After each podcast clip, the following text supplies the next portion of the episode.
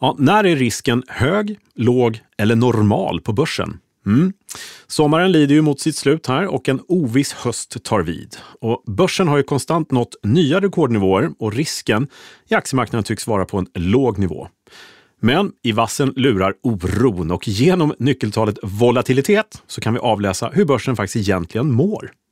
Men det gäller ju att tänka rätt om risken på börsen för att undvika onödigt risktagande. Så idag går vi igenom hur vi bör tolka saker och ting på rätt sätt. Så häng med!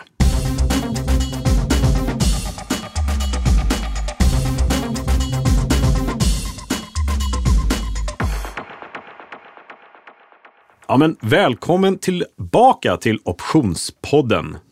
Ja, podden så är det kunskaper som ingen privat eller professionell investerare på börsen bör vara utan, tycker vi. Det här är tillgång till börsens hela verktygslåda som kan skapa många, många bra och goda saker.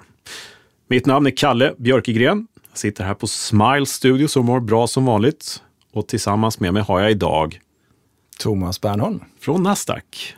Välkommen Thomas! Tack så mycket Kalle. Det är inte första gången jag säger det. Nej, det låter bekant. Och inte sista heller. Får vi hoppas. Ja, exakt. man vet aldrig efter dagens avsnitt. Det är lite andemeningen. Man vet inte vad som händer imorgon. Nej, det. det vet vi inte. Det är den enda fakta vi har här i livet. Vi vet inte vad som händer imorgon. Men vi kan gissa på ett väldigt bra sätt. Och det är faktiskt lite så vi ska ja, men, eh, styra in det här mm. eh, återavsnittet. Vad säger man? Vår nystart. Just det. Höststart. Men du, hur har din sommar varit då, till att börja med? Tack bra. Ja. Den går som vanligt alldeles för fort högt eh, teta-värde, eller vad ska man säga? Exakt. Själv? Haft det bra? Nej, väldigt bra. Eh, jag tycker att det gått ganska långsamt, för jag längtar tillbaka hit. ja, men det är ja. rätt inställning. Mm. Jag tycker att du så. ser väldigt stark ut. Du tycker det? Ja, ja jag, jag har hört lite rykten också om att du har mm -hmm. varit duktig och lyft tungt och, och så vidare. Mm -hmm. Jaha. Deltagit i någon styrkelyftstävling och sådär. Mm. mm. Just det. Inte illa. Nej, Nej. måste hinna med det också så att man är stark på mm. alla håll och kanter. Bra där. Mm. Ska få med dig på det där också. Är tanken. ja du, eh, börsen har ju tickat på här va. Eh, nya rekord hela tiden. Eh, och alla fina portföljer där ute som folk har, har ju fått väldigt goda värden och allt mm. känns ju positivt och bra, eller hur? Mm. Och det är lite så att man inte riktigt sett det här förut. Det är bara ticka på uppåt. Mm. Eh, hur, jag tror det var i början på det här året som vi sa att ah, nu är det bäst att köpa puts. Mm. Därför det var det allmänna snacket i marknaden. Ja, men precis. Sådär. Mm. Det är lite högt värderat. Men det har bara tickat på sedan dess. Mm. Och, Överraskande. Ja, och det har ju bara sedan förra avsnittet, nu har vi haft lite sommaruppehåll här, så har det gått, OMXS30 gått från 2280 till ja, 23.75 är vi ungefär i mm. inspelande stund. Just det. Och då eh. pratar vi om det var där i mitten av juni eller senare ja, hälften av juni. Som precis, ja. Någon, precis innan midsommar där. Just det. Och eh, 23.75, ja vi hade ju ett nytt, hör och häpna, all time high igen. Mm. Eh, för någon dag sedan här, 24.12 tror jag såg index, ja, den stängde nog 24, nej printade på 24.12 var det. Ja. Eh, stängde något lägre. Men ehm, det är ganska höga nivåer. Det är otroligt orimliga nivåer när vi satt och tänkte på att index skulle nå 2000 bara sådär. Mm. För inte alls jättelänge sedan. Så att eh, jämför vi då sommarens rörelse på börsen med förra sommaren, när corona och det hela hade varit, ja men, var nyhetens behag då. Då hade vi en ganska volatil sommar. Gick upp, eh, inledningsvis så föll ju börsen 7% i juni för att sen gå upp 13 Just det och var ju väldigt volatilt. I år har det varit definitivt mer lågvolatilt eh, jämfört med det. Eh, men även om det har gått upp väldigt mycket och det är som vi då kan tänka oss då, låg risk på börsen som är helt i paritet med den starka börsen, så är det mer oro i leden förstås. Och det ska vi prata mer om strax, strax med vårt kära SKEW-index mm. som ger oss indikation om det. Spännande. Mm. Så att eh, hela grejen med att starta igång hösten här, eh, alla undrar lite grann vad, vad ska vi ta vägen och hur kan det vara så starkt? Hur eh, ska vi tänka och tekniska analyser i liksom all eh, eh, välmening höll jag på att säga, men vad kan vi använda oss av mer? Så vi ska prata lite grann om det jag har fått otroligt mycket frågor om, vilket nämligen är börsens egen spåkula, som Ulrike Lustig mm. brukar säga, volatiliteten. Är det en spåkula på riktigt? Nej, förstås. Det är det ju inte. Men det är ju kanske indikation på hur folket där ute som styr börsen tänker. Det är en bra diagnos också, som det står till mm. för stunden och sådär. Också, ja, man... marknadsklimatet sådär. Mm. Eh, och vi har ju pratat om vollan förr. ganska mycket i ma massa olika eh, sammanhang. Ja, precis. Eh, men eftersom det har kommit så mycket frågor och rådande marknadsläge, det är ju starkt som bara den, men alla är ju rädda för att det ska vända ner förstås. Eh, så har vi märkt att det är en del feltolkningar som är ganska oskyldiga och enkla att göra. Mm. Men reda ut lite grann vad som gäller. Eh, det låter jättebra. Så det kan vara på sin plats att reda ut det. Sådär. Mm. Så det är på förekommande anledning kan man säga? Så att du vill... I allra högsta grad ja. är det det. Ja, men då så. Det mm. låter jättebra. Så efter dagens avsnitt då ska alla lyssnare vara redo att tolka höstens marknadsrisk eller oro på rätt sätt, är tanken. Ja. Och förstås även efter det och resten av livet. ja, det låter bra. Ja, ska vi kolla in eh, helt enkelt marknaden, börsen och ja, vad Vollan säger just nu? Ja, visst. Så börjar vi där. Ja. Då gör vi det. Ja, läget på börsen. Som sagt är det ju väldigt starkt eh, just nu i aktiemarknaden. Det har varit, eh, ska vi säga, sidledes handel för att vara mest rättvisande shopper view på börsen eh, under lite högre volatilitet än tidigare. Men volatiliteten är fortfarande låg. Så det blir lite motsägelsefullt, men mm. det är mm. precis det vi ska prata mer om strax. Eh, VIX-index ligger på eh, 17-nivån, eh, mm. 1698, sista print jag såg. Och det är ju en låg nivå. Och nu ska vi komma ihåg nivån 20 ungefär. Okay. För i den det varit lite så här, inte just den, men nivåerna på index eh, har betydelse faktiskt. Ja. Vid var tid, oavsett hur börsen går, upp eller ner, hur starkt eller svagt det är, så har nivåerna betydelse faktiskt. Och vi ska gå in på det sen. Och du mm. nämnde 17, det var ungefär mm. där någonstans vi var i senaste avsnittet här i försomras. Det stämmer alldeles utmärkt. Eh, VIX är helt oförändrat faktiskt eh, jämfört med då. Sen har det varit lite hack i kurvan sådär mm. förstås, lite upp och ner. Mm. Det har varit en del eh, rapporter och sådär. Ja, men, det har det varit. Men implicita vållan har inte stigit särskilt mycket egentligen. Nej, rapporter så. Det, nej, nej, det har det inte ganska, gjort. Eh, och eh, faktum är att det har varit rekordlågt på självaste index också. Mm. Jag kommer tillbaka till det. Eh, jag tänkte bara innan, glöm bort det, en viktig, eller en kul grej att nämna, som man kan kolla på själv. På VIX-index, just de här nivåerna, så har det sen innan corona, alltså innan mars då, förra året, 2020, mm. så har vi nivåer som, ja men lite hack i kurvan, så har det legat ungefär kring 15 nivån där. Det har varit någonstans där, klart under 20 i alla fall. Ja. Sen så kom ju corona och då stack ju index upp här ja, över 100. Och ja, verkligen drog det liksom, grymt. Ja, det liksom, precis mitt i det, då var det ju katastrof. Sen så har ju risken och VIX med det sakta men säkert avtagit. Och det har blivit mindre mindre, mindre risk och just nu är det väldigt låg risk igen. Mm. Men man kan se att trenden är att det ändå är högre risktagande eller högre riskpremie på börsen hela vägen sedan corona.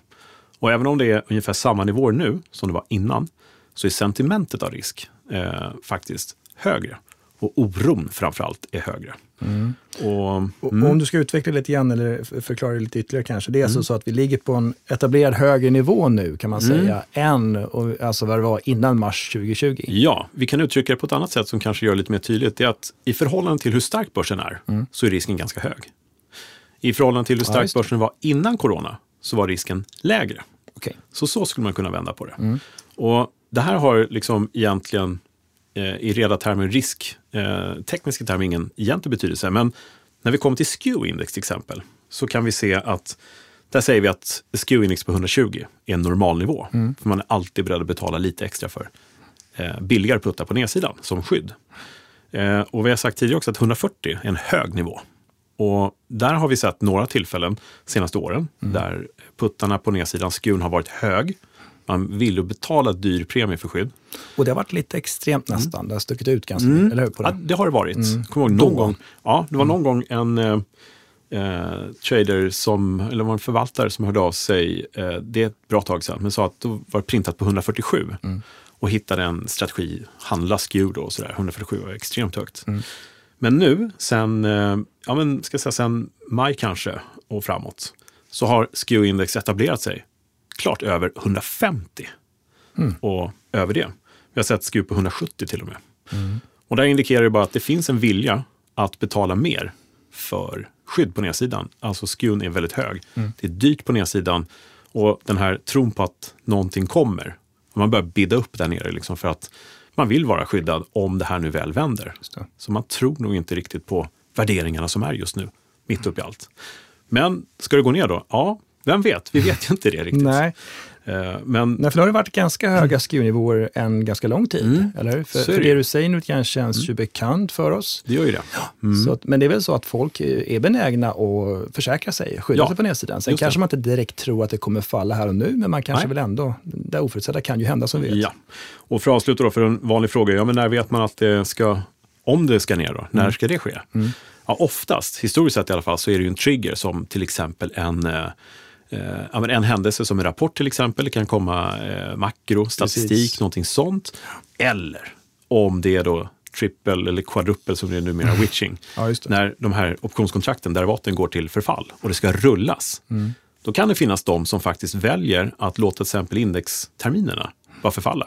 Om man tar ner på sin cash istället, det vill säga säljer aktier. Det. Det kan bli en trigger ifall det är tillräckligt stor aktör eller fler som gör det. Och det har vi sett tidigare. Och det är det jag har sagt någon gång att när det är så stora positioner och dyra positioner på nedsidan så är det nästan så att det kan bli självuppfyllande efter Mm, ett tag. precis, det har du nämnt. Vi vill inte betala mer dyr premie utan vi säljer av vårt innehav istället Mm. och lugnar oss tills den nedgång vi tror på har skett. Just det. Så det här är kanske ett bättre mått än många andra att titta på Mm. faktiskt. Sen vet man inte vad som händer, men det här är, nu vet vi att det är nerverna på utsidan. Just det är det. vad det här indikerar i alla fall. Om vi ska vara ännu lite mer pedagogiska, vad Mm. innebär det här egentligen? Så man betalar då mer för out of the money-puttar i det här fallet, då, Ja. för är högre. I relation då till at the money, eller hur? Mm, precis, rådande indexnivå ja. Så Ja. Mm. Så att om man då ser att SKUn är väldigt hög Mm. och är det då väldigt låg implicit vol generellt, Mm. at the money, ja. så behöver ju inte de här puttarna vara dyra kanske kronor sett, Nej. utan de är dyra i relation till implicit volatilitet. Ja, Ja, precis. det så det är också någonting kanske man ska tänka lite på. Mm. Det tycker jag definitivt. Så om det är väldigt låg eh, risk som vi hade på vårt index eh, till exempel. Var det inte nere 10 eller? Jo, under. Var på 9,14 fick jag det till Jaha, du. eh, Ja. förra veckan faktiskt. Det är ju extremt lågt. Ja, sen har det gått ner lite grann och sen har det stigit ganska snabbt till 13 igen någonstans. Och du pratar S30 nu, ja, om XS. Eh, OMXS30, Ja, vårt eget index. Ja. Och då tittar jag ju själv på eh, ja, kraschputtar som vi kallar dem för. 2000 puttar och sådär, en bit bort. Ja.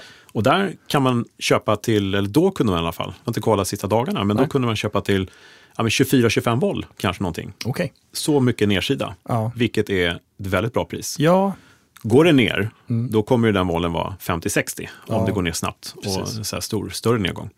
Och det sägs självt, då har man ju dubbla pengarna bara där. Och sen så får ju putten ett värde när det går ner också. Så att just det effekten. Och, och det här är jätteintressant, alltså, för att SKUen är extremt hög, Mm. men tittar du på implicit volatilitet i de här puttarna runt 20-nivån som du säger, Mm. så är de kanske lite billigare normalt sett. Exakt så. Så det, det måste man ha i åtanke tycker jag. Precis, så att relationen där är viktig att hålla, hålla Ja, koll på. precis. Så även om skon är hög kan det fortfarande vara prisvärt skydd. Just det är ju det. precis så många tänker nu. Mm. Men om det liksom blir då att det sticker iväg i kronor och ören, eller i dollar eller cents, Mm. Ja. så då kommer möjligen några tänka om. Mm. För det kostar ju att försäkra sig månad efter månad efter månad. Gör det.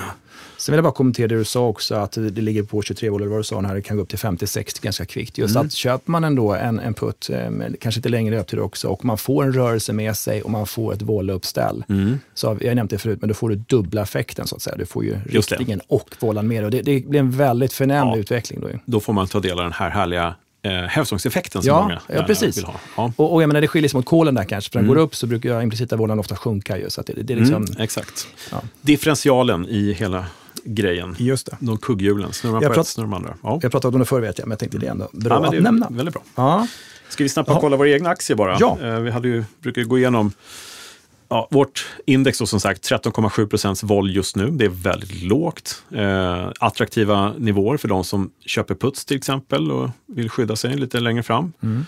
Eh, at the money pratar om, men även på nedsidan som sagt, som jag just nyss nämnde, så är det attraktivt. Eh, det är låga nivåer överlag på våra aktieoptioner. Det är några som sticker ut. Evolution Gaming är ständigt dyrast. som, Eh, som vanligt får vi säga. Ja, nästan. 47 vol då för närmaste frontmånaden där. Den rör på sig. Eh, vi har eh, banker i botten, de är billiga just för närvarande. Eh, SE-banken står ut där, lite dyrare riskpremium på den. Eh, Telia, otroligt billig. Mm, som vanligt väldigt låg, men Ja, fast eh, ovanligt billig nu då. ja, ovanligt billigt. 13 procent här. Det är eh, inte mycket du får ut av eh, de korta löptiderna om du säljer premium. Där. Vi har pratat såld strangle till exempel mot Ja, det. Telia. Eh, Man gnetar, gör igång på gång och så. Ja, precis. Och det, är- ja, det är inte mycket du får där just nu om man ska Nej. vara helt ärlig. Då. Den ligger väldigt stilla. Eh, eh, Ericsson, nämnde vi den? Nej. Eh, Nej, inte Ericsson eh, har ju trillat ner under 100-nivån. Den var ju klart dyrare tidigare Mm. och så efter lite händelser och rapporter och grejer så har den trillat under 100. Eh, så historiskt har den rört sig 35 procent, ungefär 34,4. Mm. Men implicit så är risken ganska låg jämförelsevis. 25 procents eh, implicit volatilitet. Marknaden drar ner risken i Ericsson faktiskt. Okej. Så edgen är nästan minus 10 där. Eh, och det vet jag att det finns några som sitter och tittar på. Kanske kan vara intressant att fördjupa sig i. Just. Ja, på optionsbloggen finns den här listan så man kan kolla alla aktier och var de ligger just nu i volatilitet historiskt implicit och hur de har eh, gått upp och ner och sådär. Mm, mycket bra. Så ja, det tycker jag man ska ha koll på. Just kan det. skapa många idéer om Ja. trading. Och det här med att implicita vollan är rekordlåg eller låg liksom generellt sett. Så här. Och det, det kan ju vara så att många då tycker att äh, men, äh, det är inte värt att, att, sälja premium och, och då avstår jag. Många fondförvaltare kanske tänker som Mm. gjort covered calls och så. Ja, Men är det inte värt att sälja, vad kan det då vara värt då? Ja bra då, fråga. Då borde det vara värt att köpa, va? Det omvända i så fall. Ja, såklart. Det finns ju alltid läge att göra någonting. Här. Ja, men, Eller är det inte bra att sälja så borde det vara bra att köpa. ja, exakt. Och då kan man ju titta på sådana saker, Mm. att byta ut kanske någon aktie mot eh, optioner eller just köpa skydd som du är inne på också. Ja. Sådär, så att, Ja, faktiskt. ja. Eh, en eh, spontan strategi jag kom på, det var in, inför rapporterna här. Mm. Några veckor innan rapporten, då brukar ju, brukar ju eh, risken stegras lite grann. Brukar ju dra upp risknivån lite grann. Och köpa vaggor då brukar vara någonting som de som är initierade tittar på. Mm. Eh, både köpa en call och en på olika nivåer. Eh, för de flesta aktierna brukar röra på sig ett antal procent i alla fall efter Mm. rapporten har kommit. Åtminstone de som är lite mer rörliga av sig. Då. Mm. Eh, sådär. Om man, Precis, det har vi behandlat i någon, något avsnitt här. ja, jag tror det. Mm, Så det är väl typiskt så man kan titta på det. Ifall just det. Och generellt, jag menar om man nu kan tänka, eller man tror att vållan kommer att öka på lite sikt, så kan man ju köpa väldigt långa löptider och kanske köpa, inte bara en vagg, utan man kan köpa en strut också. Liksom, där, Ja. strut, där, där eh, tidsvärdet är som högst. Liksom. Exakt, en put, samma lösenpris. Ja. Köper båda. Det, det kan också vara någonting. Ja. Men generellt annars, vad säger vi om lämpliga strategier i en lågvållamarknad? Mm.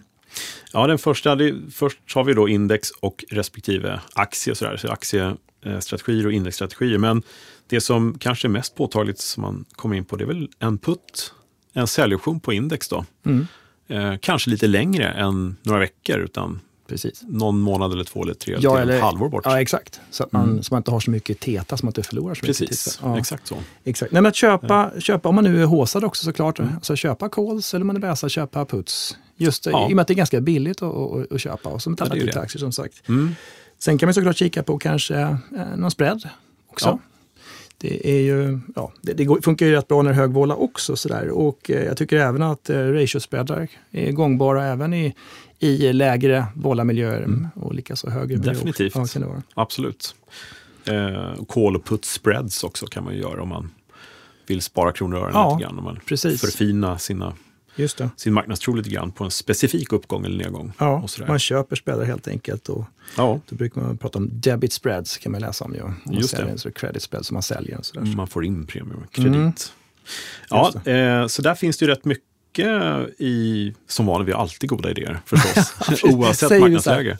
Självgott, liksom. Ja, Vi har så goda idéer. Ja, Nej, men det finns ju mycket att Ja. välja ibland. Och som Jo. Mm. jag alltid brukar poängtera, det finns ju alltid en strategi som passar just Ja, dig. det som, ska jag säga, det är det som är det tacksamma Ja. med ett sånt här ämne. Utan det finns en strategi för alla marknadslägen. Precis. Och just nu är det, eh, det är toppat, får man säga. Det kanske fortsätter upp, det är upp till var och en tror vad man vill förstås. Men det är billig premium. Mm. Det är billiga försäkringar om man tror på nedgång. Det är billiga calls om man tror på uppgång. Mm. Och det är kanske ett bra bett, köpa en call i en Precis. välvald aktie kanske. Man. Och du, jag, jag tänker på det omvända bara, det är inte aktuellt här idag. Så att säga. Men vi pratade om högvålda strategier också. Och det var Ja. väl, du nämnde Evolution Gaming för några avsnitt sedan, i försommaren i våras. och Just det, just det. Och det var ganska förlåtande. Du sålde väl en strut eller en vagga? Strut var det Mm. Ja, just det. Ett, va? Ja. 13.05-struten. något Sålde sånt, ja. både 13.05-callen 13.05-putten, ja. Fick in, var det 170 kronor någonting sånt där? Stämmer det? Ja. För att de är ganska dyra. väldigt bra betalt. Ja, Ja, bra betalt. Väldigt, Men den som vi nämnde här är ju Och, högst av alla på index Mm. i premium. eh, Så. Och det visade sig vara bra. Eh, Då fick man sig 170 spänn. Då blir man ju löst, får man ju säga. Ja. Om du säljer både calls och puts på en nivå. Om den inte stannar prick på 13,5 Ja, men igen. Så pass volatil aktie så gjorde den ju inte. Jag stack väl upp och så kom det tillbaka lite grann. Mm. Men det visar i alla fall att det är ganska förlåtande när du får in så mycket premium. Ja, så är det ju. Så, så det, Så det var ju var det 14 eller 13, 14,75 blev väl break-even där. Ja, om det var 170 Ja. kronor premie Ja. så var, var det Och den var uppe en bit över 1500 men trillade tillbaka ner igen. Just det. Och, ja, Och då kan man ju såklart alltid rulla sen också. Så att, Det kan man göra. Nu kom vi in på högvåla, sorry. Men, det gjorde men, vi. Ja, ja, men- jag ville bara ta en kontrast till det här med lågvåla-strategi. Men du har så ändå kommit in på det. Eh, ska vi ta liksom lite huvudtemat, eh, tjuren vid hornen höll jag på att säga. Ja, Och fördjupa oss i det här med eh, volatilitet så att vi tolkar saker och ting på rätt sätt då. Mm. Innan vi ger oss i kast med saker och ting. ja, men det gör vi. Ja, volatiliteten. Alltså nu har vi pratat om den ganska mycket, men att tolka den på rätt sätt var Mm. grejen här. Så när är risken hög, låg eller normal på börsen? Och eh, vi använder ju vårt VIX-index här. Eh, och VIX står just nu i cirka 17. Mm. Eh, men då är frågan, när är börsen mer eller mindre riskfylld? Eh, och det här har kommit mycket frågor om och eh, lite eh, feltolkningar helt Okej, enkelt. ja. Eh, och jag har fått både och. De som har tolkat på ett sätt och de som sagt, så här kan man inte tolka, som är Mm. traders och så här. Nej, så vi tar det. Ja. Vi brukar prata om referenspunkterna på eh, VIX-index på 20, 30 och 40. Och eh, då är det så här. Jag skulle säga ja, om VIX-index går från 15 till 20 så har risken i marknaden ökat. Det har den ju. Det är inga konstigheter. Men nej, om VIX-index går från 15 till 20 så behöver inte risken i marknaden för den saken vara hög. Den har nämligen gått från låg till mer normal faktiskt. Ja, ja, du menar så. Ja. Vid var tid. Just det. Men det kan vara lätt hänt. Som vi nämnde tidigare så är VIX-index innan corona till exempel legat på så här 15-strecket och lite upp och ner kring den nivån. Och så går det upp till 20 plötsligt. Ja, då anser man att det är hög risk i marknaden. Ja, den är högre än vad den har varit. Det är ju helt rätt. Och det kanske ger ett visst sentiment. Men frågan är, är det hög risk på börsen? Nej, det är faktiskt inte det. Jag tänkte vi skulle bara gå igenom eh, lite hur vi tänker där. Just det, jättebra. Ja. Mm. Så din poäng är att risken har ökat, men inte till en hög nivå. Exakt. Eh, Det är fortfarande okej att ta risk om man nu vill tänka. Sen så är det upp till var och en förstås vilken risk man vill ta. Men vi tänker bara på eh, definitionen av hur riskfylld börsen är i form av rörelse. För det är ju det vi mäter. Just det. Och en liten passus som jag tänkt på direkt här också. Eh, väldigt vanligt, det första misstaget är att det är inte optionen som har volatilitet.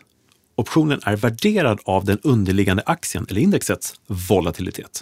Det är rörelsen i underliggande marknaden som skapar volatilitetsfaktorn. Så man börjar där. Sen skapar det derivatet, optionen, eh, som ger oss indikationen. Eh, så att om vi börjar så att vid VIX på 20, eh, och där har jag då kollat då från grunden för länge i tidernas begynnelse med kompisarna i Chicago. Eh, vid VIX vid 20 ungefär så indikeras det att marknaden förutspår en ganska hälsosam och låg riskmiljö helt enkelt. Det är alltså en god vilja att ta risk vid 20 procent. Och vid 30, då har det ökat ganska mycket. Då indikerar det att aktier är för riskfyllda. Man är inte bekväm med att ta risk i aktier längre. Så brukar det vara. Och vid 40, då är det en, nästan alltid en ganska turbulent eh, aktiemarknad. Turbulent nedgångsfas eh, som brukar vara kortvarig till, ibland ihållande. Då. Och eh, är det VIX över 40, då är det sällan marknaden är irrationell. Eller den är ir- irrationell, Ja, det. sällan den är rationell. Ska jag Ja, just det. Just det. För då brukar alla, då, då blir det som så att man säger att priset spelar ingen roll längre. Man vill bara komma ur marknaden. Okej. Och det har vi sett några gånger under eh, corona-utbrottet där och lite sånt där. Så. Mm. Då var det ju knappast att man tänkte, ah, vilket pris är rätt pris nu? Då vill Ja, man ju bara, lite panik. ja, 12 procent på en dag och sådär. Mm. Men då var ju VIX-index å andra sidan på 120. Precis. Eller vad den var, kommer att printa. Men vad är det som talar för att det här stämmer då, då? Om vi ska bryta ner det lite grann. Och det här blir lite hålla tungan rätt i mun och det är för de som tycker det är kul med lite logik och, och sådär, så är det här roligt. Men det kan vara bra kunskap att ha med sig. Man kan lyssna en gång till kanske om man tycker att man fastnar på vägarna. Men förutom att rörelsen som motsvarar de här olika 20, 30, 40 nivåerna av volatilitet historiskt så styr börsens humör så finns det en väldigt logisk anknytning till alla de här siffrorna. Och då ska vi säga att VIX, det är faktiskt volatiliteten på den underliggande indexet S&P 500. Det är hur S&P 500 rör sig helt enkelt. Okay? Eh, och det är ju liksom eh, satt efter värdering av indexoptionskontrakten på det här S&P 500 som är ett derivat. Och det här ja, men värderas ju efter hur mycket det rör på sig helt enkelt. Eller? Så VIX-index det är med andra ord i sig självt ett derivat av aktiemarknaden. Så om en eh, köpoption är ett derivat av en aktie så är VIX-index ett derivat av S&P 500 eller som vi ser det på hela börsen. Sådär.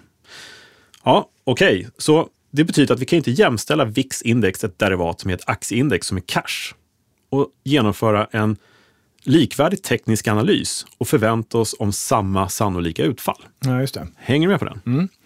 Så vi kan ju inte dra massa streck på en graf som kanske är på indexet S&P 500 där det finns motstånd och stöd och grejer och man vet att det finns utbrott. För det här handlar ju om börsvärden, eller hur? Och går det över en viss gräns, då kanske psykologin säger att de kommer fler köpa mer och sådär. Derivatet om hur det rörs på börsen, som indikerar risken, den kan man inte mäta på samma sätt. Det kanske är logiskt på ett sätt att förstå så kanske. Men det här gör många och tycker då att ja, men nu bröt igenom 14 på VIX-index. Ja. Och då kommer risken bli hög. Då är risken hög i marknaden. Och så tar man en strategi därefter. Mm. Och det kan ju bli lite fel då. Just det. Eh, så om vi ska liksom ta det bara ett steg längre. Så priset vi ser i ett optionskontrakt idag på S&P 500 eller på OMXS30 det är faktiskt deriverat, alltså hämtat från en spekulation om hur mycket det ska röra sig på det här underliggande indexet. Mm. I och med att det är implicit Ja, precis. Hur mycket det ska röra sig på index fram till optionens slutdag. Det är det vi ser i priset. Så är det högre pris, då tror man att det ska röra sig mer helt enkelt. Så 20 procent som kan vara då den här normalnivån på VIX-index, det motsvarar vid var tid en specifik rörelse på VIX-index, alltså på börsen, som i sin tur då motsvarar ett specifikt pris i just optionskontraktet. Och det är i sin tur då eh, helt i paritet med hur sannolikt det är att en rörelse på börsen ska liksom ske. Så vi kan ju läsa av att 20 procent indikerar att det ska röra sig x antal procent upp och ner rent matematiskt. Mm. Och, och, har du möjligtvis en artikel om det på Optionsbloggen? Ja, flera stycken. Visst har du det? Ja, För att det kan nog låta lite rörigt. Ja, det är ju det. Så att det kan vara bättre mm. att läsa. Liksom. Så in på optionsbloggen.se och kika skulle jag säga. Ja, och sen ska vi säga så här också att eh, ingenting är ju eh, liksom, eh, vad heter det? Vi vet ju inte vad som händer imorgon. Nej. Och den här volatilitetsfaktorn, det är ju faktiskt som så att det är ju ett, en beräkning över ett års tid mm. med en eh, sannolikhet av en standardavvikelse, det vill säga 67 procents sannolikhet. Så det säger sig självt att det är ingenting som är givet. Är det ju inte. Nej. Men det indikerar mm. vad vi bör ha för värden i form av risk. Man kan säga att rörelsen på börsen, det är ju definitionen av risken i aktiemarknaden. Mm. Rör sig mer, ja då är det högre risk. Inga konstigheter, eller hur? Så vid 20 procent på VIX, då är det tillsammans med en specifik rörelse. Då vet man att risken är sån vid var tid. Och det spelar ingen roll om börsen har gått från 10% eller 5% på VIX-index och hamnar vid 20. Det är fortfarande den rörelsen som gäller då. Och då är det liksom den risken som traden tittar på och kommer vara beredd att betala för. Ja, eh, tolka marknaden som hög risk vid den nivån är i alla fall eh, förenat med extra risk. Det liksom blir helt enkelt inte rätt. Nej, just det. Nej. Utan det är snarare när det tangerar kanske 30 då, då som Ja, Ja. Lite. Hängde du med på allt det här, Thomas? Ja, alltså... Ja, det är ju är lite, det- jag, jag föredrar nog att läsa igenom någonting och Ja. titta på exempel och sådär. Så det, Nej, men det är det, därför jag sa det också, Ja, visst. postblogg.se. men det här är väl liksom lite eh, nördnivå, är Mm. det väl? Lite sådär. Och när man sitter eh, och pillar med det här hela tiden och räknar på det, och framförallt eh, i en tradingmiljö, så är det ju kanske lite lättare att Just ta det. till sig. Men det kan vara kul ändå att nämna, även om det blir lite rörigt, man kan lyssna en gång till och man kan gå in på optionsbloggen och läsa om det och sådär. Så eh, huvudgrejen är i alla fall att man inte ska för, eh, liksom försätta sig i onödigt risktagande genom att tro att nu är det extremt hög risk Mm. bara för att VIX-index står i 20 procent. Utan det är vid var tid en normal risknivå faktiskt. Det. Det rör sig inte mer på börsen bara för att det går snabbt dit. Nej, men det där är ju bra kunskap att ta till Mm. sig. Mm. Och sen så, bara för den lilla disclaimern här, det är ju det att alla mått av analyser i aktiemarknaden, om det är så eh, fundamentala, tekniska eller derivatbaserade, så är det ju fortfarande spekulationer. Mm. Det är inga säkra saker. Men det ger oss en indikation och hjälper oss att gissa på ett bättre sätt. Ja, visst. Och det kan vara en indikation av flera såklart, eller hur? känner Ja, man? så är det. ja. Så det finns inget rätt svar om kommande rörelser, bara mer eller mindre sannolika gissningar om Just de här. Så det du säger när du pratar om din spåkula så, så har den kanske några sprickor eller vad man ska Mm, säga. ja, den är inte än så länge perfekt. den men precis. Nej. men Men det är så nära man kan komma kanske. Ja, men precis. Nej, men det är väldigt bra hjälpmedel. Och, och, menar, en sak är ju som vi pratar om här, vad, vad som komma skall. Om det är liksom en, en eh, prediktion, man ska säga. Och Mm. Ja. försöka. Men det är också det här med att hur värderas optionerna och Mm. vad är en lämplig strategi för mig? Det tycker jag, där är den ju jättebra fingervisning. Ja, men det är liksom. det ju. Ja. Precis. Så eh, man ska ha med sig alla delar. Den fundamentala biten, kanske teknisk analys om man gillar det. Men det här är det perfekta komplementet då. Och titta på i risktermer. Exakt. Och vad som faktiskt händer inne i skallen på de som styr börsen. Det kan Mm. vara ganska bra ha med sig. Och som sagt, så pratar om det här till exempel då, som ett underlag för ett Mm. val och strategi. SQn höga, men då kanske jag vill försöka sälja en putt om jag är beredd att kunna ta på mig mera saker och sådär och använda den premien till kanske köpa en kodspread och, se Mm. Just det. och så vidare. En Ja. Och, så att man tänker de banorna liksom. Just det. Men du, eh, har vi, eh, eh, har vi stressat hjärnorna på våra lyssnare tillräckligt för? Ja, det tror jag. Jag tror också det. Med hänvisning till mer, så att det, ja, det är väl precis. Ja, men vi kommer säkert tillbaka till, mm. eller gör vi, det är mer volatiliteter. Men där är, eh, lite inspiration förhoppningsvis. Ja, men visst. om inte bra. Nej, men jag tror att det är bra att poängtera det där. Mm. Ja, men så det att kan man, vara så att inte man blir jätterädd och sparkar bakut direkt här om, om det Nej. stiger lite grann. men jag har hört många säga att nej, men det spelar ingen roll vad VIX-index står. Det är hög risk ändå. Men så funkar det inte riktigt, utan de som styr och de som räknar kronor och ören varje dag och traders som sitter med sina enorma derivatböcker där borta, Mm. de räknar på de här nivåerna. Liksom. Ja. Eh, Så, och det sägs självt, en viss rörelse är lika med en viss risk. Så Mm. är det bara. Ja, ska vi gå vidare i eh, programmet? Ta lite, ska vi ta lite frågor som har kommit från folket? Ja. Ska vi göra det? Då gör vi det. Ja, låt höra Kalle, vad har du fått för frågor nu då? Eh, ja, jag får bara säga tack så mycket till alla som lyssnar för att jag har fått väldigt, väldigt många frågor. Eh, mer än vad jag kunnat hantera.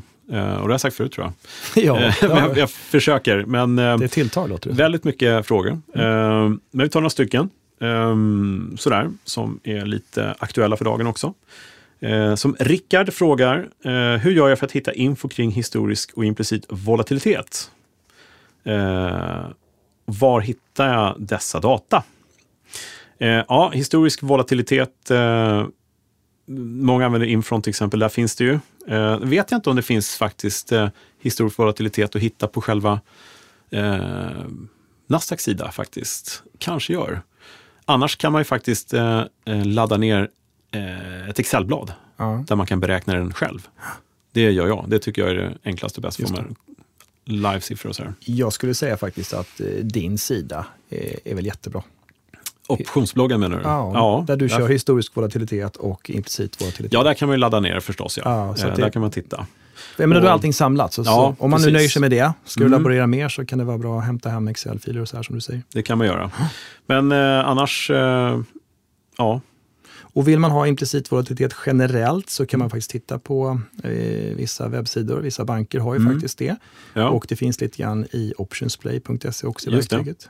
Så Options Play, vi har Infront och vi har en del hemsidor. Det finns en hel del då faktiskt Mm. Ja. eh, hämta från gör det. Just det. Eh, det blev så många möjligheter så att det nästan blir otydligt svar där.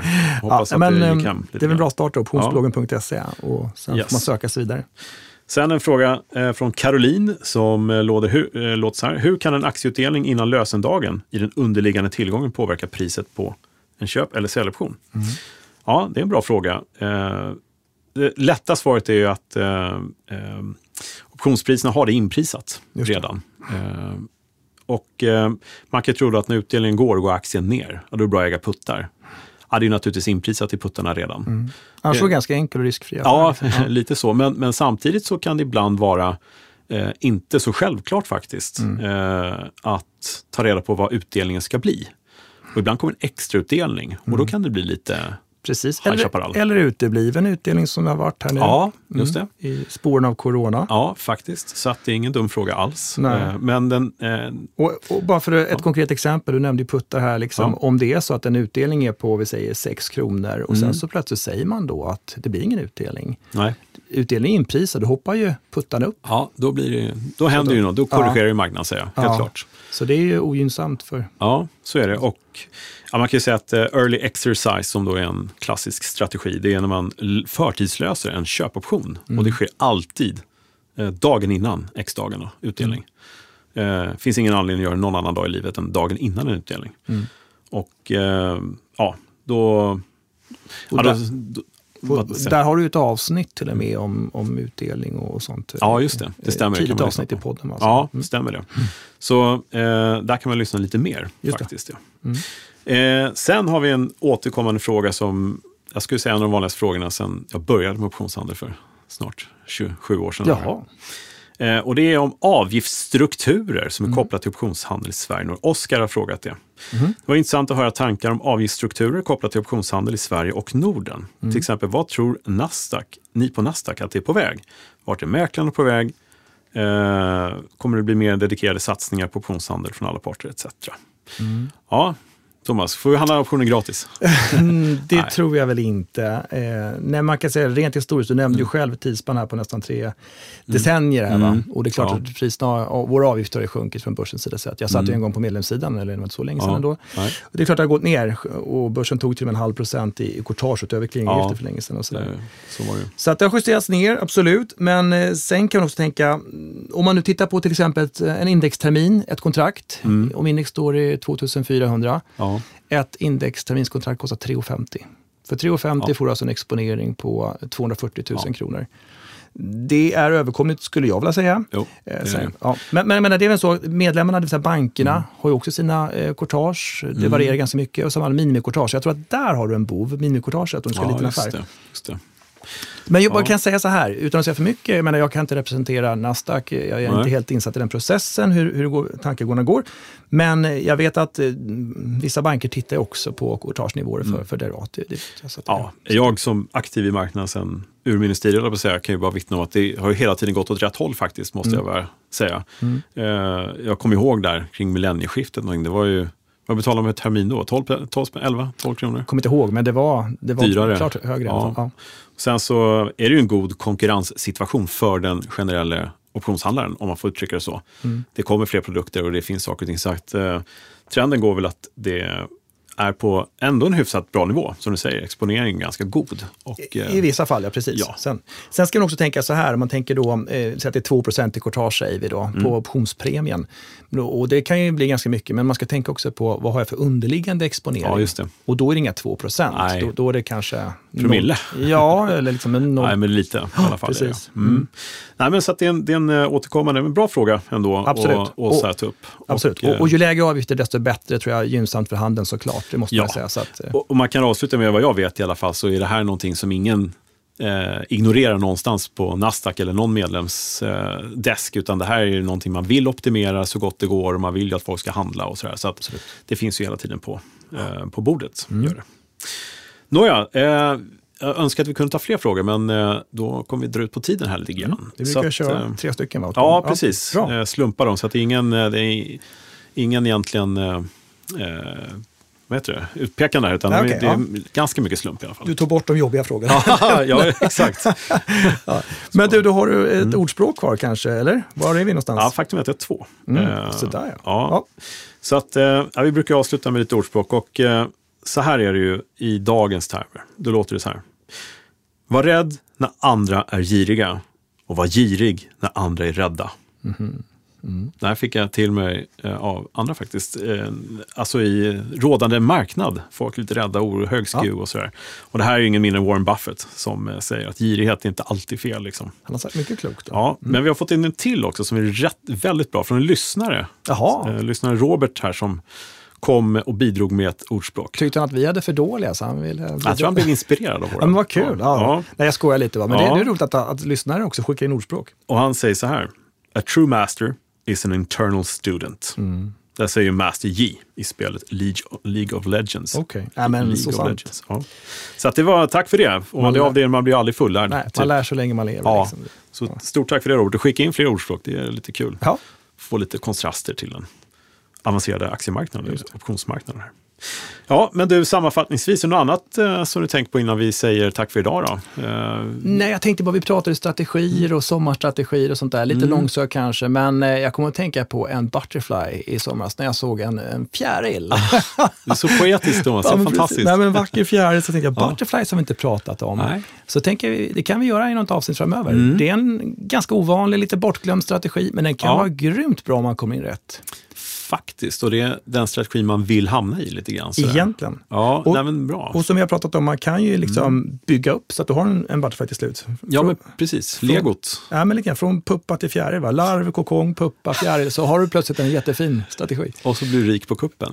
ja, Nej, men det, det är bra, det har kommit mycket frågor om eh, Iron Condors. Det är ständig stridström av Ja, ja. Iron Condors. det får vi också prata om. De ligger lite i eh, halvnära varandra. Ja, jag vill bara nämna den. Ja, men men vi pratar mer om det. Då återkommer vi till den. Mm. Annars kan vi bara sammanfatta volatiliteten. Det är bara att eh, forska vidare kring eh, VIX-index och volatiliteten för att den kan ge väldigt mycket indikationer på hur vi mår här på Just börsen innan man tar sina beslut. Just det. Sen kan vi också nämna då, på tal om utbildning och, och, eller kunskap och sånt, Mm. att ehm, vi genomför ju utbildningar för institutioner, det vill säga fondbolag Ja. och kapitalförvaltare och sådant. Ja, men det har vi pratat om precis. Ett litet eh, eh, projekt är att eh, för de proffsen som tar hand om många människors pengar så har vi eh, en tanke om att till ett bra självkostnadspris eh, satsa på utbildningar där. Det kommer bli utbildningar på många håll, men ja, sitter man på en fond eller på en förvaltningsdesk och vill lära sig mer om allt från volatiliteter till optionsstrategier så hör av er så ska vi se till att fixa det på ett bra sätt. Precis. Och så det då finns- kan man mejla till Det är bara att mejla till mig på optionspodden info at optionspodden.se Mm. eller info at optionsbloggen.se eller att se Björkegren på Twitter nås vi också på. Eller Mm. Och det gå går- på torgen och skrika efter mig så kommer jag. Ja, du kommer direkt. Ja. Och det går, så bra, det går bra att mejla mig också, thomas.bernholm.nasdaq.com. ja. Så att det här är en del av eh, bara vad som händer. Så att det, Mm. Och vi har gjort en komma. del sånt genom åren kan man säga också, men nu, nu tar vi nya tag igen och, och kör vidare Exakt. lite mer intensivt. Ja, så det är kul. Så Ja. vi ska, folket ska få lära sig det de vill. Ja. Så är det. Vad bra! Ja, det finns ju alltid en gratis kurs i optioner på optionskurs.nu. Mm. Tidigare avsnitt på optionspodden.se. Eh, vi har på optionsplay.se. kan man gå in och titta på. Mm. Eh, ja, det är väl typ det. Ja. Då har folk att göra ett tag till nästa gång vi hörs. Precis. Lite Och så. vi har en hel del eh, spännande fanns- gäster på gång. Det har vi. Mm. Det har vi faktiskt. Hur ofta kommer vi köra gäster ungefär? Så ofta vi kan. Så ofta gästerna vill komma. Mm. Ja. Men eh, nästa gång kör vi en gäst i alla fall. Ja. Så vi får se vilka som har tid och möjlighet och lust att komma. Och som har Mm. men- något bra att säga. ja. Nej, men vi har sagt en hel del på gång, Ja, så det har det, det blir spännande. Ja, det blir spännande. Mm. Men du, eh, bra eh, premiäravsnitt för hösten tycker jag. Ja. Vad tycker du Pontus? Var bra? ja, tummen upp. Smile Studios. Vi har en lyssnare i alla fall. Ja, Precis. alltså, Nej, då, skojar. lyssna en gång Ja, på råmaterialet. Precis. Ja, toppen. Stort tack för idag. Tack för Vi idag. hörs snart igen. Ja, ha det bra. fint. Mm, hej! Tjena, hej.